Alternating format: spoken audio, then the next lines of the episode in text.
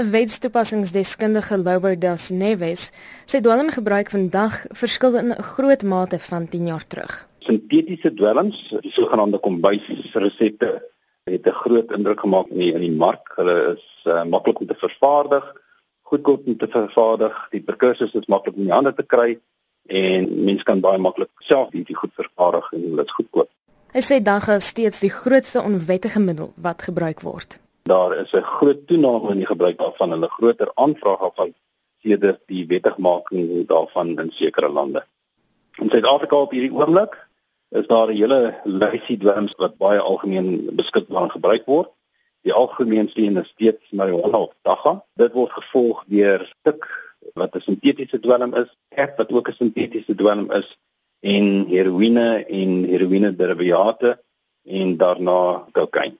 Maar waar kom die meerderheid dwelms dan vandaan? Opiate, met ander woorde die heroïne en opium en onwettige CNS depressante kom hoofsaaklik van wat ons noem die goue driehoek, die Golden Triangle, uit die Midde-Ooste en Verre Ooste.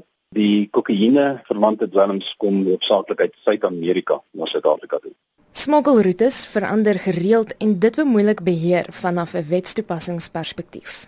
Die dwelmsmokkelaars is baie verbeeldig oor hoe hulle die produk by die uitbestemming gaan uitkry. So as ons kyk byvoorbeeld na kokaine, van die roetes is van Colombia af na kom ons sê Buenos Aires, São Paulo of uh, Rio de Janeiro, dan vlieg hulle deur na Lisbon, van Lisbon na Luanda, na Angola, van Luanda af direk na Suid-Afrika toe. Dis maar een van die menigte roetes wat hulle volg.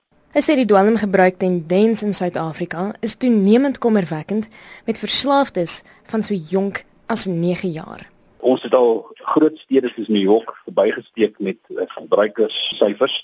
Ons vind nou kinders so jonk soos 9 wat dwelms koop, prostituie van 11, 12 jaar wat hulle liggame verruil vir dwelms. So die situasie in Suid-Afrika is baie baie sleg. Rehabilitasiesentrums is oorvol. Die vooruitsigte op hierdie stadium is baie negatief vir Suid-Afrika. Dit was Loubodas Neves, 'n wetstoepassingsdeskundige. Ek is Marlene Forsie vir SAK nuus.